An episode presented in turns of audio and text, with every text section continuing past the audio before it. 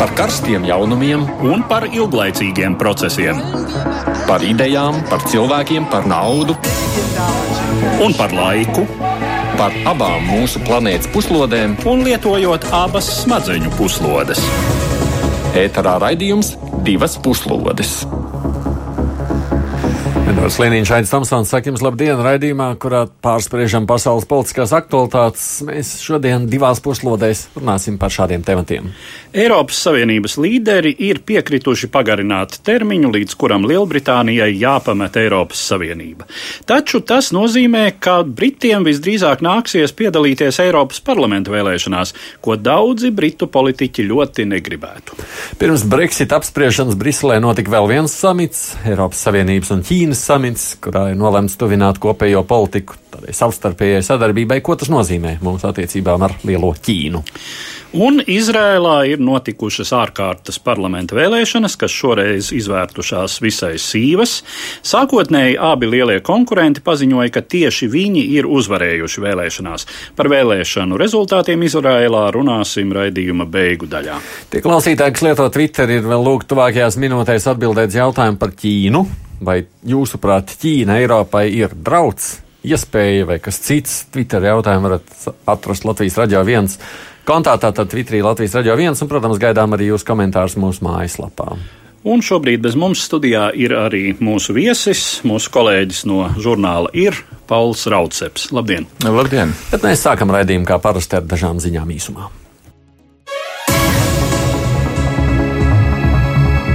Divas ārkārtas ziņas. Tātad šodien no Londonas un Sudānas, kā jau dzirdējāt, tikko ziņās Lielbritānijā ir aizturēts Wikileaks dibinātājs Julians Assange. Ekvadora atsauks ir viņam savu piešķirto patvērumu un pat faktiski uzaicinājis ir arestēt Assange vēstniecības telpās.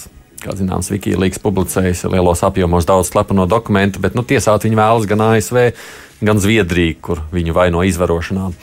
Savukārt Sudānā šķiet ir noticis militārais apvērsums. Tiesa ziņas no turienes šobrīd ir tādas pretrunīgas un skopas. Galvaspilsētā ir militārā tehnika un armija, kas visticamāk ir arestējusi ilgadīgo prezidentu Omāru Albašīru. Šobrīd militāristi risinot sarunas par pārejas valdības izveidi.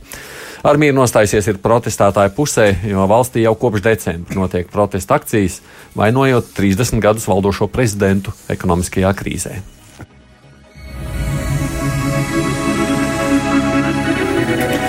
Nerimsta skaistlības Turcijā ap tur notikušajām pašvaldību vēlēšanām. Turcijas prezidents Erdogans, kur partija ļoti sīvā konkurencē ir zaudējusi lielākajās pilsētās, Ankarā un Stambulā, ir aicinājis atbildīgās iestādes anulēt Stambulas pašvaldību vēlēšanu rezultātus, jo esot pārkāpti noteikumi darbinieku pieņemšanai vēlēšanu iecirkņos. Kā skaidrojas prezidents, ne visos iecirkņos ir ievērota prasība, ka visiem darbiniekiem jābūt valsts ierēģiem. Mūsu kolēģi to ir noskaidrojuši, un dabiski, ka, tas rada šaubas. Tā sacīs Erdogans, uzsverot, ka tam būtu jānoved pie Stambulas mēra vēlēšana rezultātu anulēšanas. Līdz šim jau 25 gadus Erdogana vadītā partija bija saimniekojusi gan Stambulā, gan Ankarā, bet nu, tagad var zaudēt savu varas ietekmi. Brazīlijas prezidents Žairs Bolsonaro pirmdien apliecināja, ka viņš un ASV administrācija strādā pie tā, lai sētu šķelšanos Venecuēlas armijā. Kā intervijā radio skaidroja prezidents, ja notiks intervents Venecuēlā, tad viņš arī vērsīsies pēc padomu pie Brazīlijas Nacionālās aizsardzības padomas un kongresa par to, vai viņa valstī arī būtu jāīsteno kādi pasākumi un kādi tie varētu būt. Mēs nevaram pieļaut, ka Venecuēla kļūst par jaunu Kubu vai Ziemeļkoreju, tā sacīja prezidents. Tā pašā laikā Bolsonaro atzina, ka Maduro gāšana var izraisīt pilsoņu karu. Kā zināms, krīze Venecuēlā ir ielgusi, un visi novērotāji ir viensprātis, ka liela loma tālākajos notikumos būs tieši armijai. Nerimsts skaistlības arī ap Lietuvas centieniem notiesāt tos, kas bija iesaistīti 91. gada janvāra traģiskajos notikumos. Toreiz padomju karaspēks, cenšoties apslāpēt neatkarības centienus, ieņēma Viļņas televīzijas torni, presnam un arī citus objektus. Pie televīzijas torņa toreiz gāja bojā 14 cilvēki, bet 31 tika nopietni ievainoti. Marta beigās Lietuvas tiesā atzina par vainīgiem kara noziegumos un noziegumos pret cilvēci 67 apsūdzētos. Klātienē gan tika notiesāti tikai divi, pārējie slēpjas Krievijā un citās postpadomju valstīs, taču Krievija ir nolēmusi aizstāvēt savējos ar pretuzbrukumu. Krievijas izmeklētāji esot uzsākuši lietu pret Lietuvas tiesnešiem. par to, ka viņi ir apzināti pieņēmuši netaisnīgu spriedumu. Tāpat Krievija ir izvirzījusi apsūdzības bijušajam prokuroram, jo tās arī esot uzsācis Krievijas pilsoņu nelikumīgu kriminālu vajāšanu. Un vēl varena laupīšana šonadēļ ir notikusi Albānijas galvaspilsētas Tirānas lidostā. Tur ir nolaupīti miljoniem eiro no Austrijas aviokompānijas Austrian Airlines lidmašīnas. Bruņot vīri izlauzās uz lidostas skrejceļa un nolaupīja naudu, kur bija paredzēts aizvest uz kādu banku Vīnē. Ārvalstu bankas Albānijā sūta savu konvertējumu valūtu uz Vīni, jo Albānijas centrālā banka nepieņem šādus noguldījumus. Viens no uzbrucējiem gan nogalināts apšaudē ar policiju. Pat policija tagad saistībā ar šo uzbrukumu četri cilvēkus ir aizturējusi, nopratinājis vēl 40. Laupītāji bija nokļuvuši uz skrejceļa caur vārtiem, kurus izmanto ugunsdzēsēji. Sākotnēji tika ziņots par nolaupītiem 2,5 miljoniem eiro, bet no nu vietējiem mēdī apgalvo, ka summa varētu būt pat piecas reizes lielāka. Šī nesot pirmā šāda laupīšana, tādēļ turpmāk naudu uz vīni ar lidmašīnām vairs nevedīšot. Tad nu pievēršamies tagad sākumā minētajiem tematiem, un šoreiz sākam vispirms ar Brexitu.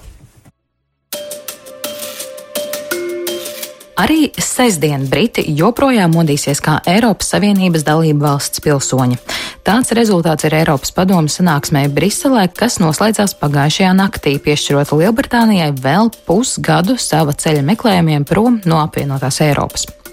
Britu premjerministre Terēza Meija bija apņēmības pilna īstenot izstāšanos līdz 30. jūnijam, kamēr Eiropadomas prezidents Donalds Tusks aizstāvēja ideju par vismaz gadu ilgu pagarinājumu, zemtekstā diezgan nepārprotam paužot cerību uz Brexita nenotikšanu.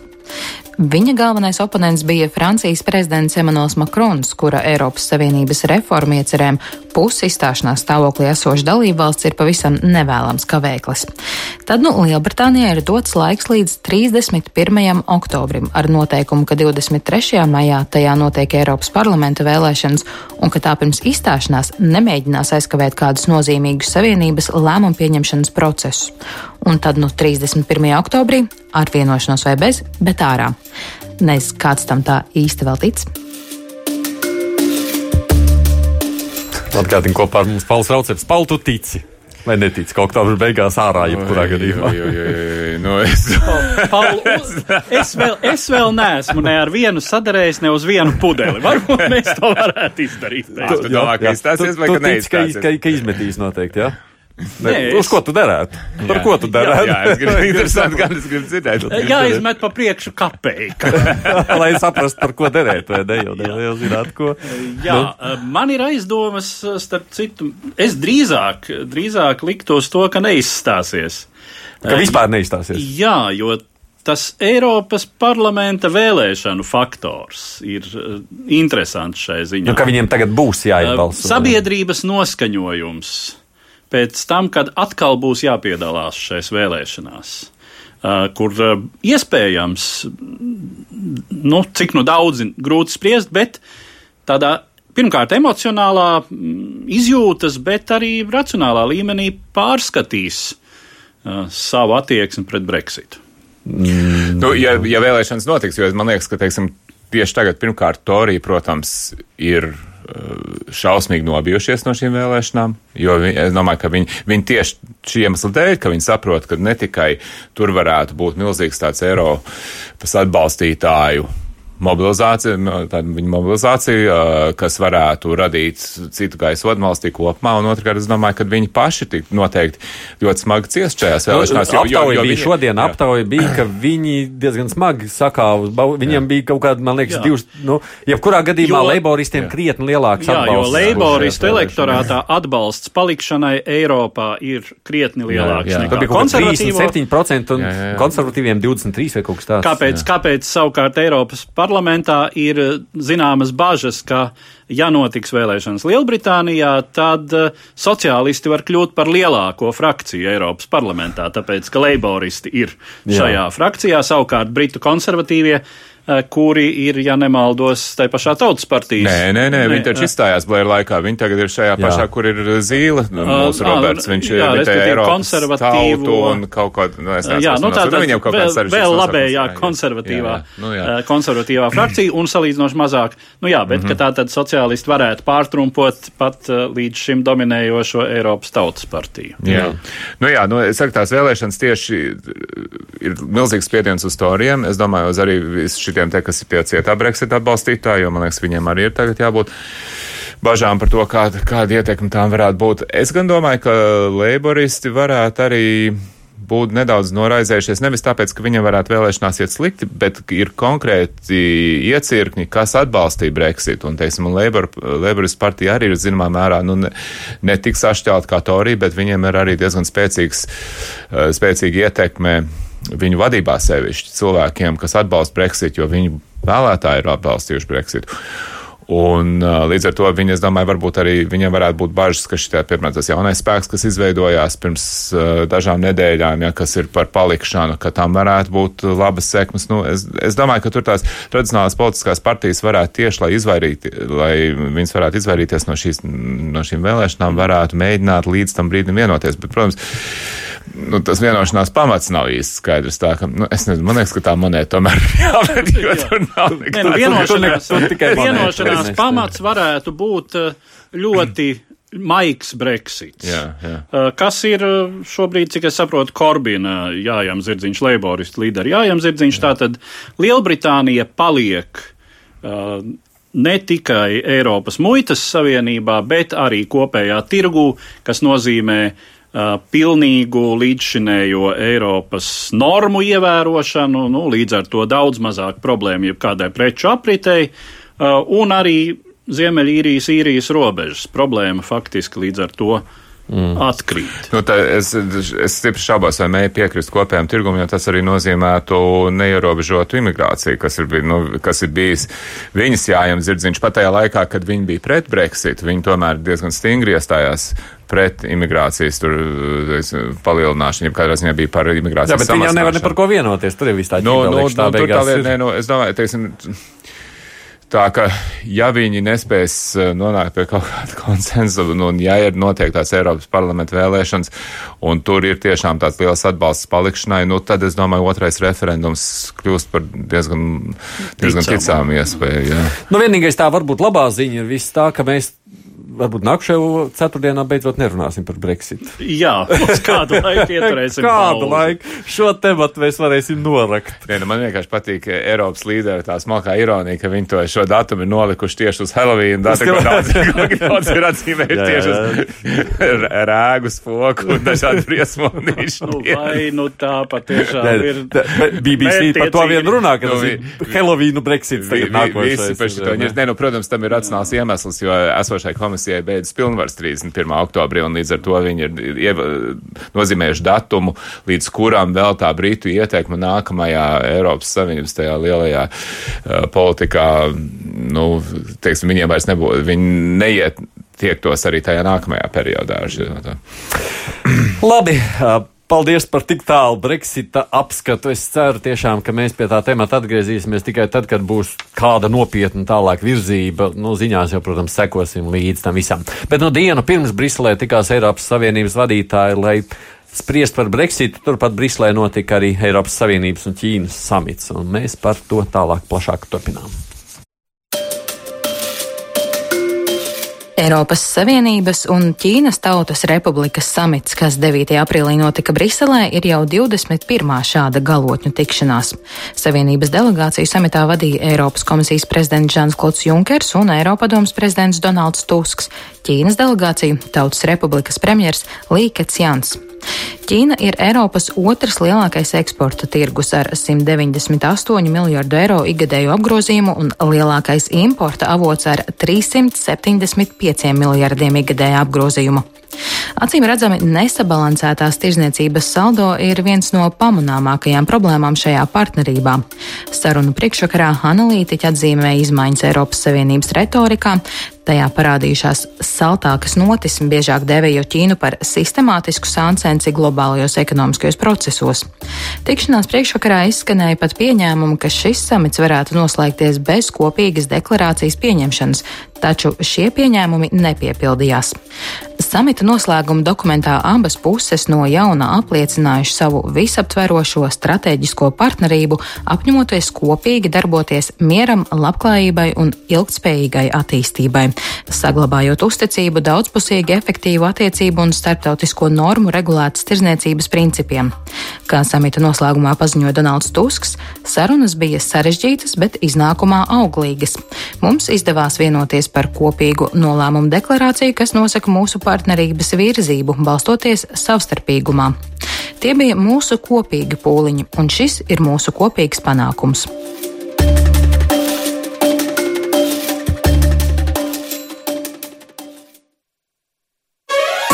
Divas puslodes. Gādien šeit studijā žurnāli ir kolēģis Pauls Rauceps, arī mēs ar Eduardu Liniņu. Kas tad šajā samitā ir panākts, kā mēs to varam sacīt par rezultātiem? Kurš gatavs komentēt? Nu, droši vien, ka panākums tiešām ir tas, ka šis samits noslēdzās ar rezolūciju. Jā, rezolūcija ar atkārtot apliecinājumu tam, ka mēs turpinām ilgu un acīm redzami sarežģītu procesu, bet ka notiek virzība, nu tas galvenais vadmotīvs, konkrētais vadmotīvs ir tā sauktā, tā sauktā savstarpējā investīciju vienošanās vai savstarpējais investīciju līgums, kas saistās ar tātad investīciju aizsardzību. Šādi līgumi ir daudzām atsevišķām Eiropas dalību valstīm, Eiropas Savienības dalību valstīm ar Ķīnas Tautas Republiku, bet Eiropai tāda nav. Nu, un, protams, ievērojot ļoti atšķirīgās investīciju vides, un atšķirīgos nosacījumus. Šāds līgums varētu veicināt investīcijas, jo nu, mēs dzirdējām šos. Bet uh, cilvēcīgi, ja es drīkst saprast, nu, ko tas īsti nozīmē, jo nu, es esmu viens parasts cilvēks, kurš varbūt Ķīnas preces tikai nopērk veikalā, vairāk nu, neko. Diena, manuprāt, tas samits kā tāds ir drīzāk. Uh, nu, tāds ceļrādis, kas e, liecina par to, ka faktiski tās attiecības kļūst, ja, ja ne nu, sāsnā, e, sāsnājums būtu pārāk spēcīgs vārds, bet ka viņas tomēr kļūst drusciņ distancētāks, drusciņ, uh, uh, nu, tā vēsu lietišķāks no Eiropas puses. Eiropa līdz šim ir bijusi ļoti uh, izprotoša un piekāpīga pret Ķīnu daudzos jautājumos. Un šeit tas jautājums par to noslēgumu dokumentu, kur Eiropieši bija gandrīz gatavi aiziet un neparakstīt neko, kas ķīniešiem atkal liktos kā tāds nu, uh, pieklājības normu pārkāpums, un viņiem ļoti nepatīk šāds lietas, ka viss nenotiek tā, kā, tā, kā tam vajadzētu notikt. Bet uh, tas, tā prasība no Eiropas puses bija, ka mēs gribam redzēt konkrētus datumus jūsu solījumiem, kurus jūs līdz šim nekad nesat izpildījuši, piemēram, par to pašu investīciju aizsardzību, par kaut kādu uh, nu, reģionālas izcelsmes produktu aizsardzību, kas Ķīnā līdz šim nav nodrošināta nu, tādām lietām kā šampanietim vai nu, sklandu raušiem. Kā, tas, jā, tas viss. Nu, kas nozīmē, jā, ka, teiksim, jā. var joprojām Ķīnā pārdot padomju šampanieti. Jā, nu, jā, nu, var, bet var sakot, teiksim, Eiropieši bija nedaudz uh, prasīgāk šajā jomā, un ķīnieši it kā piekāpās, bet nu, tā pārliecība, ka viņi izpildīs savus solījumus, vēl aizvien īsti nav.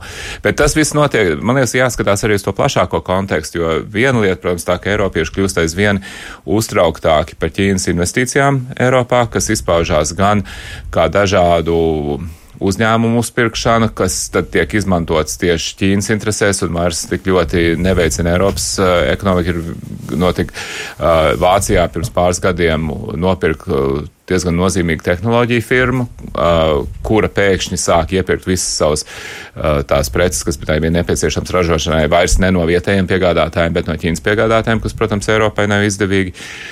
Tagad ir līgums, ko Ķīna noslēdz ar Itāliju par šo iesaistīšanos jaunajā zīda ceļā, kas nozīmētu liels Ķīnas investīcijas, piemēram, Itālijas ostās, arī iespējams arī līdz ar to izveidojušos uh, finansiālo atkarību, ko mēs redzam daudzās citās valstīs, ka šāda veida investīcijas uh, uzliek lielu parādu slogu valstīm, kas ir, nu, mēs ir pat bijuši demonstrācijas, piemēram, Malaizijā, un nu, tās, tās valstis, kas mums liekas tālu un kā uz mums neatiecās, bet tās, tās dusmas un aizdomas pret šīm Ķīnas investīcijām daudzās pasaules valstīs, Āfrikā, Āzijā stipri pieaug. Un ja tagad tas sāks notikt arī Eiropā, nu, tas, protams, arī ir problemātiski. Un tas trešais elements protams, ir jautājums par tehnoloģijām, jo Amerikas iebildumi pret Huawei tehnoloģiju izmantošanu 5G tīkla attīstībā kļūst aizvien skaļāki. Amerikāņi draud, ka tās valsts, kuras ieliks Huawei šitos te, tos routerus un visu pārējo kā pamatu savām 5G tehnoloģijām, tas var nozīmēt, ka amerikāņi ar šīm valstīm vairs nesadarbosies tehnoloģijas un arī informācijas apmaiņas ziņā. Tā ka visā šajā kontekstā man liekas, tas samits drīzāk norādīja uz saku, šo attiecību atvēsināšanos nekā uz kaut kādu mm -hmm. tādu tuvāku draudzību. Nu jā, katrā ziņā tas ir fons visam šim, jo nu, pēdējās desmit, varbūt pat tikai pēdējos patsmit gados tiešām ir mainījusies. Um, un galvenais, ko mēs nekad nedrīkstam aizmirst, Ķīna šo politiku īsteno centralizēti. Tā ir totalitāra valsts, kur šī starptautiskā sadarbība ir iekļauta piecgades plānā. Mm. Uh, un, un šīs, šī jaunā zīda ceļa programma ir Ķīnas um, Tautas Republikas pie, piecgades plāna sastāvdaļa. Komunistiskās partijas pieredzes. Um, jā, jā. Nu, no, jā. tieši tā. tieši tā. un, un, līdz ar to, un tur ir ierakstīti jauni, teiksim, strateģiski risinājumi, jaunas pieejas, kas tiešām uh, paredz iepirkt tādas lietas, kuras Ķīna līdz šim nav pirkusi. Nu, teiksim, tehnoloģiju uzņēmums, kā Pauls jau minēja, zīmolu preces vai iet, ietekmīgus pieprasītus zīmolus un tam līdzīgi. Nu, tu biji Briselē, tad tu runāji ar pāris Eiropas parlamentu Jā. deputātiem arī par šo. Mums tā no Jā, Itālijas kas ir, pirmās, kas ir ne galvenie, bet līdziņotāji Eiropas parlamentā par Uh, šī samita tematu. Jā, un tad, tad no Itālijas Demokrātiskās partijas Alessia Marija Moska, pareizi saka, ja klausāmies ierakstu.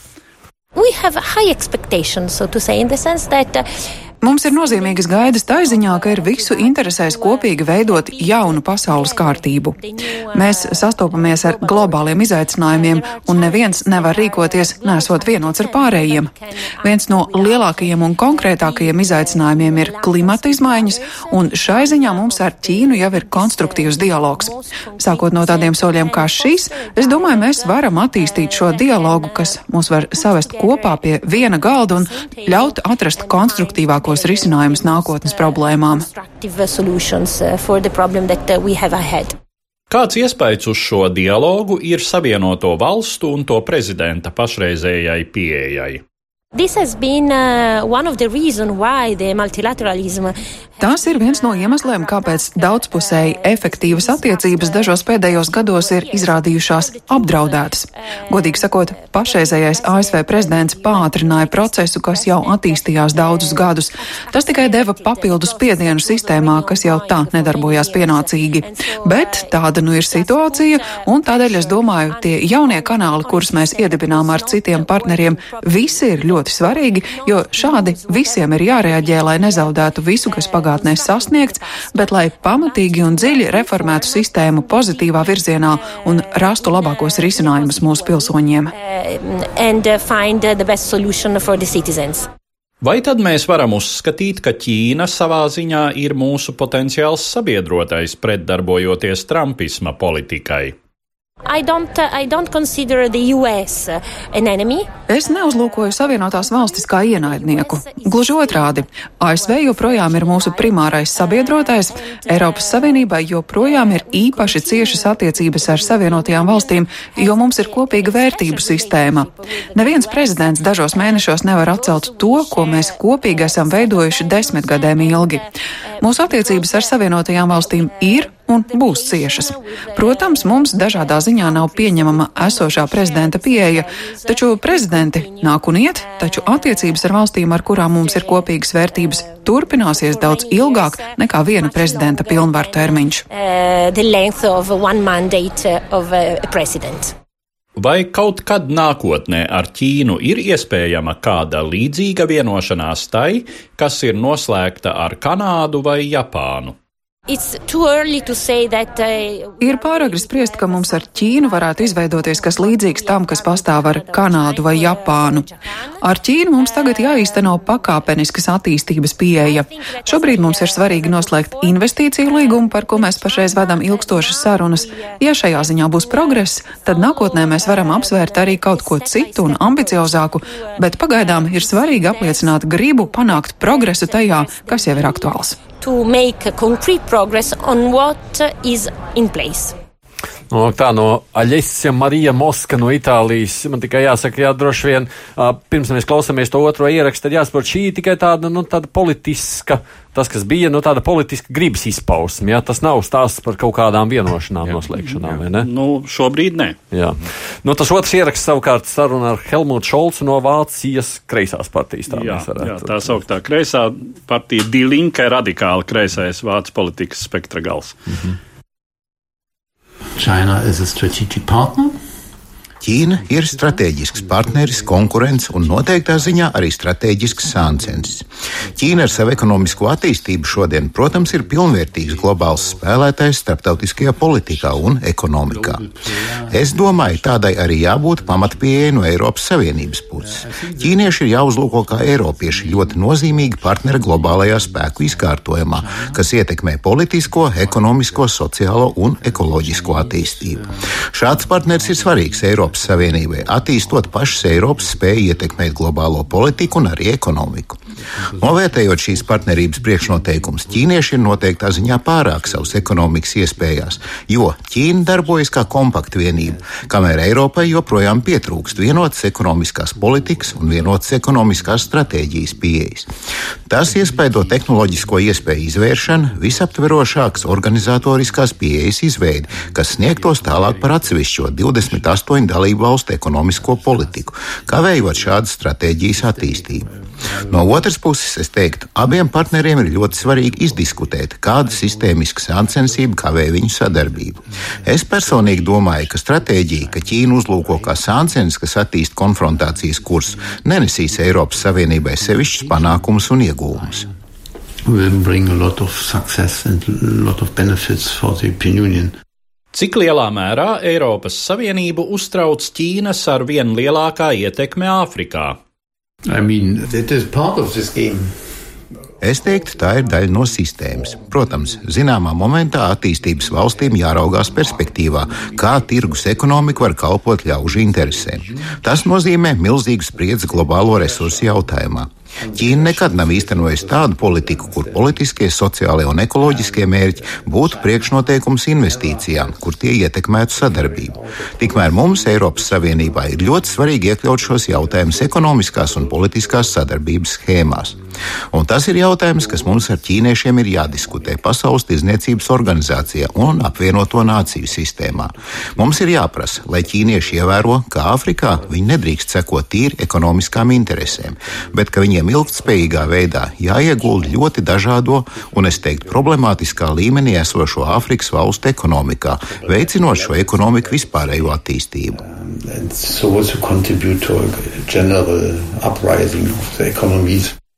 Helmuts Šalts no Vācijas.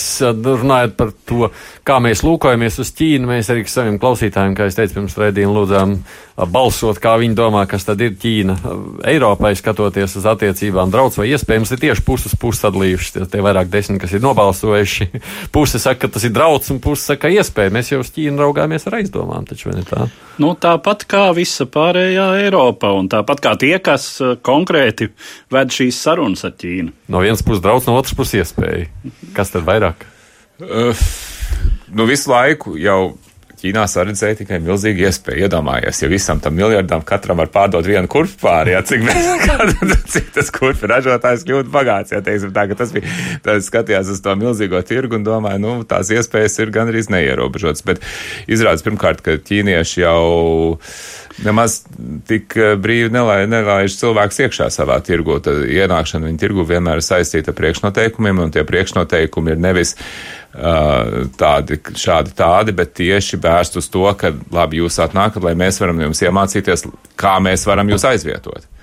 Un tagad, tagad sāk to saprast, un, un, tas, un Ķīnas vietējā vērtību ķēdē kļūst iet aizvien augstāk. Nu, piemēram, tagad, man liekas, tā, tās nākamās lielās bažas ir, ka Ķīna varētu mēģināt pārņemt lielo uh, avio noteikti mm -hmm. lidmašīnu ražošanu. Uh, pat labi ir divi Kamēr cīnās ar Bušs ar Boeing. Jā, Airbus un Boeing, jā, bet, bet no Ķīnai būs vajadzīgs ļoti daudz lidmašīnas tuvākā laikā un nākamo, nu, desmit gados, jā. Un viņi ir izvirzījuši par mērķi ienākt arī šajā tirgu, un tas, protams, ir draudz atkal, teiksim, vēl vienai nozarei. Nē, nu, viņiem ir visas tiesības to darīt, ja, teiksim, nu, kon konkurence jau ir laba lieta, bet tā problēma ir tāda, ka, kā mēs zinām, pirmkārt, tā, tie spēles noteikumi gan investīcijām, gan, gan pārdošanai abā, nu, teiksim, Ķīnā iepratīm Amerikai vai Eiropai nav vienādi. Un uh, tas otrs ir, kad viņi arī ļoti, ļoti aktīvi un, teiksim, valsts roku rokā ar šiem uzņēmumiem nodarbojas ar industriālo spiegošanu. Uh, es negribu teikt, rietumu firmas jau arī nav nekādas svētie, ja es domāju, ka viņam arī viss kaut kādas lietas dara, bet, bet tas fakts ir tāds, ka Ķīnā tomēr tā integrācija starp valstu un šiem uzņēmumiem ir daudz, daudz ciešāka nekā rietumos, un valsts mērtiecīgi strādā, lai attīstītu šīs firmas, viņas arī subsidē. Un tā, nu, tur, es domāju, ir ko padomāt. Mm. Mums dzird šobrīd ārpolitikas institūta pētniece no Rīgas Traģiņu universitātes Ķīnas studiju centra direktora un Aleksandra Bēziņš Arinkova. Labdien jums! Sveicieni no Briseles, labdien! Sveicieni no Briseles. nu, tad jau jūs varētu uzreiz no Briseles sacīm palūkoties, ko, kā izskatās, kā jūs raksturojat to rezultātu no samita, kas tur notika. Uh, paldies! Jā, uh, nu, uh, samits. Uh, ir interesants ar to, ka ir panākta uh, kopēja deklarācija. Uh, tas ir kaut kas jauns. Vairākus gadus pēc kārtas Ķīnas un e Eiropas Savienības puses nevarēja vienoties par kopīgiem vārdiem, zem kuriem uzlikt savus parakstus. Uh, Eiropas Savienība uh, uzsvēra vērtību nozīmi, un Ķīnas puse teica, ko nu par to runāsim vairāk par pragmatisku, vai par, par pragmatiku, vai tad nu jūs mums mācīsiet dzīvot. Šis gads ir īpašs, un Uh, Deutsche Welle ķīniešu valodā raksta, tātad ķīniešu lasītājiem, ka uh, Ķīna ir padevusies, zaudējusi, uh, parakstot uh, šo uh, kopējo deklarāciju. Kas tad tajā deklarācijā tik īpašs un kāpēc uh, Donalds Tusks uh, teica, ka uh, ja Ķīna uh, neliks savu parakstu zem tās, tad mēs iztiksim bez deklarācijas arī šoreiz. Uh, šī deklarācija. Mm, principā diezgan skaidrā valodā uh, min visus tos izaicinājumus, kurus nu pat minēja arī studijas viesis. Kurš ir šodien studijas viesis? Es nesaklausīju. Pauls Trauceps un Edvards Liniņš. Jā, tātad kolēģi uh, Pauls un Edvards, kurus minēju nu pat, um, tātad visi šie uh, apsvērumi gan par industriālo spiegošanu, gan par negodīgu attieksmi pret uh, Eiropas investoriem Ķīnā, uh, gan par uh, pārlieku lielo uh, valsts uh, jaukšanos gan valsts, gan nevalstisko lielo korporāciju darbā un subsīdijām, jā, tātad negodīgām subsīdijām attiecībā uz šiem uzņēmumiem, veicinot viņu konkurētspēju uh, uh, citos tirgos, ieskatot Eiropas Savienību. Skaidrā valodā šis viss ir minēts deklarācijā, un tās ir Ķīnas paraksts. Protams, ka tur ir teikts, ka abas puses apņemās mazināt šādu uzvedību. Un vēl viens aspekts, kurš parādās deklarācijā, ir tas, ka abas puses uh, apņemās risināt jautājumu ar geogrāfisko indikāciju izcelsmes produktiem. Tātad tā arī bija, tas arī bija viens no jautājumiem, kurus Ķīna atteicās risināt, proti, nu, um, produkti ar īpašām izcelsmes vietām, ja ka būtu īpaši aizsargājami. Ja, tātad, nu, kā mēs jau zinām šo stāstu, ja šampānietis ražot tikai šampaņā. Tātad pat šādi punkti, uh, izņemot šos, uh, Ķīnas paraksts vēl apliecina arī to, ka uh, Eiropas Savienība un Ķīna ir līdzīgs uzskats attiecībā uz Irānu, kodolvienošanos un arī uz uh, Ziemeļkorejas uh, situācijas attīstību. Tas ir interesants dokuments un tas ir interesants rezultāts. Mm. Ja tikai var jautāt, jūsuprāt, jūs labi zināt tomēr vairāk to ķīniešu uzvedība un kultūra apņemšanās viņiem nozīmē, ka noteikti jāizpilda? Labs jautājums. Um, nu, šeit ne tikai par ķīniešu kultūru ir runa, šeit ir runa par mums visiem, kā ir, ir saistošas un ir nesaistošas vienošanās, un ir uh, deklaratīvas vienošanās un ir realitāte. Uh, jāsaka, ka, protams, um, no vienas puses apņemšanās nevienmēr ir jāpild, bet ir arī realitāte. Ķīna plāno 2020. gadā izdot jaunu investīciju likumu, kurā tiek paredzēts, ka būs runa par ārvalstu investoru aizsardzību Ķīnā, kas ir liels. Uh, nu, mēs, vēl dokumen, mēs vēl šo likumu neesam redzējuši, līdz ar to, nu, cik lielā mērā tas viss notiks, bet tomēr tas nozīmē, ka Ķīna ir ieklausījusies šajā kritikā jā, attiecībā uz negodīgo spēles laukumu, ja pavisam jāizņemās no angļu valodas. Tā kā no vienas puses it kā nav jāpilda, bet no otras puses kaut kas notiek. Mm. Paldies jums, saka, un Aleksandra Bērziņš arī kaut kas ir ārpolitikas institūta pētnieks un arī tātad Ķīnas studiju centra direktori. Pabeidzot šo stāstu, jo mums ir vēl viens temats, pie kur ķeramies klāt, tad mēs varētu teikt, ka tāds pozitīvs skeptiski pozitīvs tavās acīs izskatījās? Teiksim tā, nu, tas, ko es dzirdēju no Eiropas parlamenta deputātiem, un tas, kas ir vispār skaidrs, Ķīna ir neapējams faktors globālajā politikā un globālajā ekonomikā. Ar Ķīnu ir jārēķinās. Eiropa neko īpaši diktēt Ķīnai nevar. Eiropa nevar izvirzīt kā dažām citām mazākām valstīm sadarbības kritērijus Ķīnai kaut kāda sadarbība ar Ķīnu ir neizbēgama globalizētajā pasaulē. Eh, līdz ar to, nu, Es teiktu tā, Eiropa manevrē šobrīd diezgan veiksmīgi savu iespēju robežās. Bet tajā pašā laikā ir jāņem vērā, ka Eiropas komisija pagājušā mēnesī pieņēma strateģisku koncepciju attiecībām ar Ķīnu, kur pirmo reizi Ķīna tika nosaukt par strateģisku. Uh, nu, Latvijas jau par sāncens, bet īstenībā tas vārds angliski rival pat ir drusciņ spēcīgāks. Nu, varbūt negluži pretinieks vai oponents, bet katrā ziņā tas ir kaut kas vairāk nekā tikai kāds, ar ko mēs sacenšamies. Tas ir arī, nu, tur ir arī pretis, nu, pretinieki iezīmēti nozīmes arī tajā vārdā. Un, un līdz ar to man liekas, nu, tas, nu, mēs esam tādā, nu, balansējam uz tādas diezgan smalkas robežas šobrīd attiecībās. Nu, vēl viens temats, kam nedaudz jāvelta uzmanība, tas ir par notikumiem ārpus Eiropas Savienības Izrēlā. Pirms pāris dienām notika parlamenta vēlēšanas. 9. aprīlī notikušajās 21. Kneseta vēlēšanās Izraels pilsoņi piešķīra mandātus 120 likumdevējiem. Vēlēšanas notika priekšlaikus pēc tam, kad pagājušā gada nogalē iekšēju nesaskaņu dēļ izjuka ilgadējā premjerministra Benjamina Netanjahu vadītā labējās koalīcijas valdība.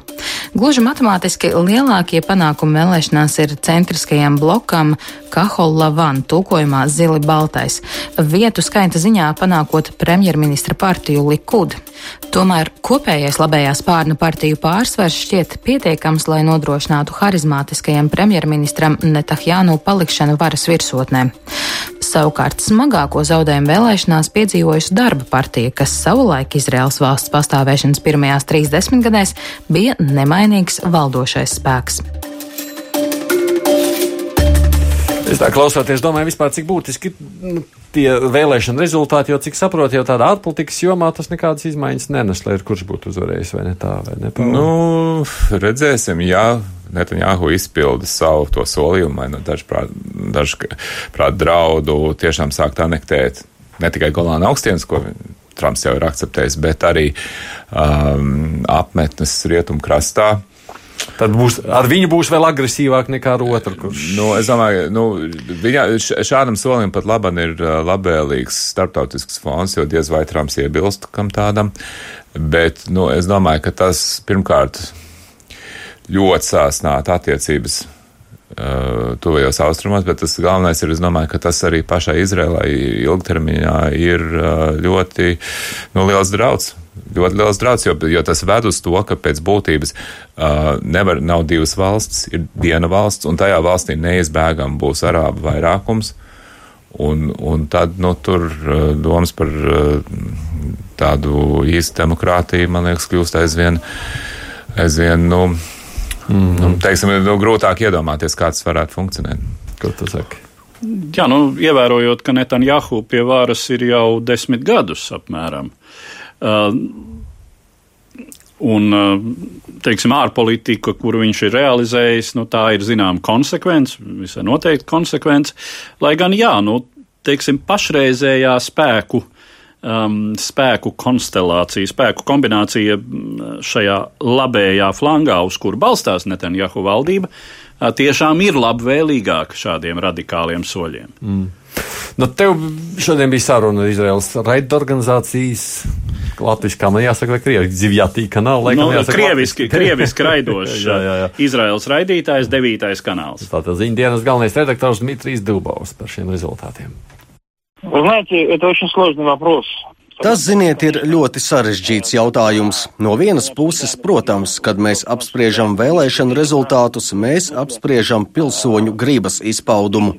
No šī viedokļa 35 mandāti, kurus pēc šī brīža datiem saņem partija Likud, protams, liecina par to, ka tas ir noteiktas sabiedrības daļas atbalsts. Iepriekšējās vēlēšanās Likud saņēma par pieciem mandātiem mazāk. No otras puses, mums jāparaugās uz tiem 35 mandātiem, mandātiem, kurus saņēmis partiju bloks Kahol Lavan. Un jāsaprot, ka te ir runa drīzāk nevis par sabiedrības uzticības mandātu, bet gan par, es nebaidīšos teikt, zināmas sabiedrības sašķeltības faktu. Sabiedrība šodien ir sadalīta, kā bija sadalīta arī iepriekš, divās lielās nometnēs. Tie ir nosacīti labējie un nosacīti centriskie un kreisie. Vienkārši šodien šī sašķeltība ir dziļāk izjūtama uz tā fona, ko veido pēdējo gadu opozīcijas nesekmīgie mēģinājumi izmainīt situāciju. Nu jau desmit gadus Netanjahu ir premjerministra postenī, un visus šos gadus nevienam Izraels politiskajam spēkam tā arī nav izdevies viņam šo amatu atņemt. Viņam ir ļoti stingrs atbalstītāju kodols šeit Izrēlā, to ir pieņems dēvēt angliskajā terminā the Reis. Tie ir viņa atbalstītāji, kuri par viņu balsos neatkarīgi no tā, vai pret viņu tiek ierosināts krimināla lietas, kādi viņam ir īpašumi, vai viņu nopratna vai nenopratina. Kā zināms, jūlijā ir noliktas divas tiesas izskatīšanas pret viņu ierosinātām krimināla lietām, bet viņa partijas piekritējus visi šie jautājumi vienkārši neuztrauc, un viņi turpina balsot par partiju Likud, pie tam vienotā ierindā. Tajā pat laikā kreisajā flangā tāda konsekventa opozīcija nav vērojama. Ik pa dažiem gadiem rodas kāds jauns spēks, kas pretendē uz to, lai kļūtu par alternatīvu un padzītu likud no varas. Un šiem spēkiem tas neizdodas, kas diemžēl tikai diskreditē pašu parlamentārās opozīcijas ideju. Arī tagad es varu piesaukt šo partiju bloku Kahola Lavāna. Šī bloka nākotne ir vairāk nekā miglaina, cik tālu viņu dienas kārtībā būtībā bija tikai viens jautājums - dabūt prom no varas premjerministru, un tas viņiem neizdevās. Ja šīs vēlēšanas arī ir mūsu pilsoņu gribas izpaudums, tad es teiktu, ka jārunā drīzāk nevis par uzticības mandātu, bet gan par sabiedrības sašķeltību. Ja pieņemam, ka koalīcijas sastāvs paliks līdzšinējais, tajā savas pozīcijas nedaudz ir nostiprinājušas tās augtās reliģiskās, respektīvi tradicionālistiskās labējās partijas. Vai ir sagaidāmas kādas izmaiņas valdības politiskajā ievirzē? Это очень важный вопрос, на самом деле. Вы абсолютно правы. Tas patiešām ir ļoti svarīgs jautājums. Jums ir pilnīga taisnība. Koalīcijā vairāk mandātu nekā līdz šim ir ieguvušas divas ultrareliģiskās partijas - ebreju Aškenazu partiju bloks Jahadut Hatorā un ebreju Sefārdu partija Šas. Katrai no tām ir pa astoņiem mandātiem, un tas, protams, ir elektorāls spēks, kas ļaus tām tirgoties ar premjerministru un izvirzīt striktas prasības. Sevišķi, kas kas attiecas uz sestdienas svētīšanas ievērošanu, esošās situācijas saglabāšanu Izrēlā. Tas viss notiek uz arvien pieaugošu sabiedrības sekularizētās daļas savu tiesību pieprasīšanas fona. Piemēram, netik sen tika pieņemts likums, kas aizliedz maziem veikaliņiem un bodītēm tirgoties sestdienās. Nav jau tā, ka ļoti daudzi šos pakalpojumus izmantotu, bet pats fakts, ka notiek šāda sekularizētās sabiedrības daļas tiesību sašaurināšana, šeit tiek uztverts ļoti sāpīgi. Šai ziņā fakts, ka jaunajā koalīcijā ultraortodoksālajām partijām būs lielāks deputātu skaits, liek mums secināt, ka viņi izvirzīs Netanjahu vēl striktākas prasības. Un jau tāpēc vien kreisā sekularizētā nometne saprot, ka tā ir cietusi cietusi diezgan jūtamu sakāvi. Un kā ir ar ārpolitiku? Ārpolitika nemainīsies. Ārpolitika Izrēlā ir tikai un vienīgi premjerministra prerogatīva. Šai ziņā aizsardzības un ārlietu ministri pilda drīzāk tehniskas funkcijas, lai gan viņiem, protams, ir zināma patstāvība. Premjerministrs ir pirmais un pēdējais, kurš nosaka valsts ārpolitisko vektoru. Kas attiecas uz Netanjahu, tad viņam ļoti patīk sevi pozicionēt kā spēcīgu līderi, kurš vienlaicīgi tiekas gan ar Putinu, gan Trumpu, aizstāv savas intereses, teiksim, panāk Irānas kodolvienošanās atcelšanu. Ārpolitika ir viņa trumpis. Viņš ir lieliski izglītots, izcili runā angliski, un pasaulē viņu arī uztver kā autoritatīvu līderi. Man reizi vien ir nācies vērot reakciju kaut vai ANO ģenerālās asamblejas sēžu zālē, turklāt esot burtiski sajust gaisotnes maiņu. Viņam piemīt pamanāma personiskā harizma. Partijas likud ārpolitiskais vektors ir nemainīgs jau daudzus gadus, un tā kā Netanjahu paliks premjera postenī, var secināt, ka Izraels ārpolitika paliks tāda pati, kā bijusi. Ja mēs to raksturojam, tad mums jākoncentrējas uz mūsu reģiona problēmām, un vispirmām kārtām tā ir Irānas klātbūtne Sīrijā. Tādā sakarā Netanjahu šobrīd uz Maskavu lido biežāk nekā uz jebkuru citu galvaspilsētu, jo viņam nākas salāgot mūsu armijas darbību ar Sīrijā esošiem Krievijas spēkiem. Tās, ziniet, ir nepieciešamības diktētas vizītes. Netanjahu galvenā un vissvarīgākā problēma ir Irānas ietekme, Irānas kodola programma, šīs ietekmes pieaugums un izplatīšanās visā reģionā, tā skaitā Sīrijā, mūsu valsts ziemeļu robežu tiešā tuvumā. Ирана и распространение этого иранского влияния по всему региону, включая Сирию, в непосредственной близости у наших границ на севере нашей страны. Un tā žurnālists Dmitrijs Dubovs no Izraēlas. Es tā klausoties, saprotu, tās lielākās izmaiņas Izraēla varētu palikt vēl reliģiskāka. Jā, acīm redzot, nu, protams, ir šīs pārējās sabiedrības daļas aktīva pretestība, bet nu, grūti, grūti, protams, teikt, bet nu, tas tā kā iekļaujas arī kādās plašākās tendencēs. Nu, ne jau Izrēlā vien mēs vērojam to, ka tādi tradicionālistiski noskaņoti spēki bieži vien vadoties no reliģisko dogmu un tādu iesakņotu ieskatu um, pozīcijām, gūst panākumus. Um, protams, ir runa par kaut kādām nu, vairāk teiksim, niansēm. Nekur pasaulē, un arī Izrēlā, neviens jau šobrīd nevar atjaunot viduslaikus. Nu, Bet, Nobrunējā taisās tur apmētāt ar akmeņiem. Nu, nē, nē, nu, tur man liekas, ka tajā reģionā jau nomētā ar akmeņiem joprojām šur un tur. Un, un, nu, varbūt reizēm, reizēm mēģina, teiksim, Pakistānā tos nomētātājus notiesāt, Jā. un lielākoties tas neizdodas laikam. Bet, Nu, Izraels gadījumā tā, protams, ir pietiekami moderna sabiedrība, jo tur ir nonākuši cilvēki nu, visā Izraels valsts pastāvēšanas laikā, imigrācijas procesā. Tur ir nonākuši, nu, piemēram, kaut vai liela kopiena bijušo padomi Savienības pilsoņu. Un tie ir cilvēki, kuriem, nu, teiksim, tāda ortodoksāla, mm, ortodoksāli sakārtota ebreja dzīve nu, ir diezgan sveša. Jau gadu desmitiem ir sveša, un izņemot dažus entuziastus, nu, viņi iekļaujas tajā sekularizētajā sabiedrības daļā. Uh, un, uh, Tā kā es saku, nu, ir runa par kaut kādām niansēm. Ja? Mm -hmm. nu, daudzās Eiropas valstīs veikali arī nestrādā sestdienās un svētdienās tikai ar citiem motīviem. Proti, ar to motīvu, ka uh, ir jāļauj jādod, uh, atpūsties. jāļauj atpūsties cilvēkiem. Jā. Bet, nu, redz, tāds korupcijas skandāls, kas tur pavada visu laiku, tāpat kā mūsu, tad daudz neuzstāvs izskatās, ka arī viņu vēlētājs. Nu, mēs, mēs, nu, tā vienkārši ir likumsakarība. Ja cilvēks uh, ja viņa galvenais politiskais sauklis ir, ka es aizstāvēšu savējos, kas ir gan Netanjahu, gan arī mums, Rīgas mēram, nu, nesen atstādinātam, gan arī nu, Trumpam līdzīgi. Es domāju, ka, teiksim, nu, tad, tad uh, ja cilvēki tam notic, tad viss tas pārējais viņiem ir pilnīgi vienalga. Tas cilvēks var zakt, viņš var būt korumpēts, viss kas cits, bet ja viņš ir pa savējiem, tad mēs viņu atbalstīsim. Ja?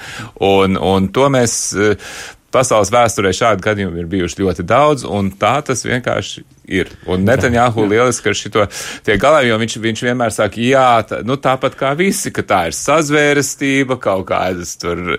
elites, kas mēģina viņu tur atstāt bet, no varas. Bet, nu, atšķirībā no daudziem citiem, viņu līdz tiesai ir dabūjuši, mm -hmm. un, nu, tagad tas, tas, protams, būs interesanti, jā. kā, kā es lasīju vienā komentārā, nu, tehniski tas varētu būt tā, ka no rīta premjerministrs notur kabineta sēdi, un pēcpusdienā dodas kā apsūdzētais uh, uz tiesas zāli. Tāpat kā mūsu Ventspils mērs.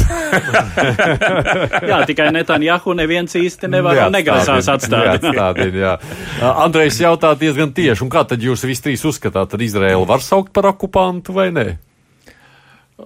Nu, Izraelu var saukt par okupantu. Nu, tehniski tā šur un tur šais teritorijās ir okupācija. Jā, nē, no, nē, rietumu krasts ir okupēts, un te, protams, ir nu, mūsu iekšējās diskusijās vārds okupācija nenošķir no aneksijas, bet faktiski, teiksim, starptautiskā, uh, nu, starptautiskās tiesībās tā tie divi dažādi jēdzieni. Okupācija ir, kad ir uz laiku tiek pārvaldīts svešs reģions, kas netiek iekļauts valstī, mm. un tad ir aneksija, kad tas reģions tiek iekļauts un kļūst par valsts daļu. Jā, teiksim, Latvija tika vispirms okupēta un tad anektēta atbilstoši starptautiskām tiesībām.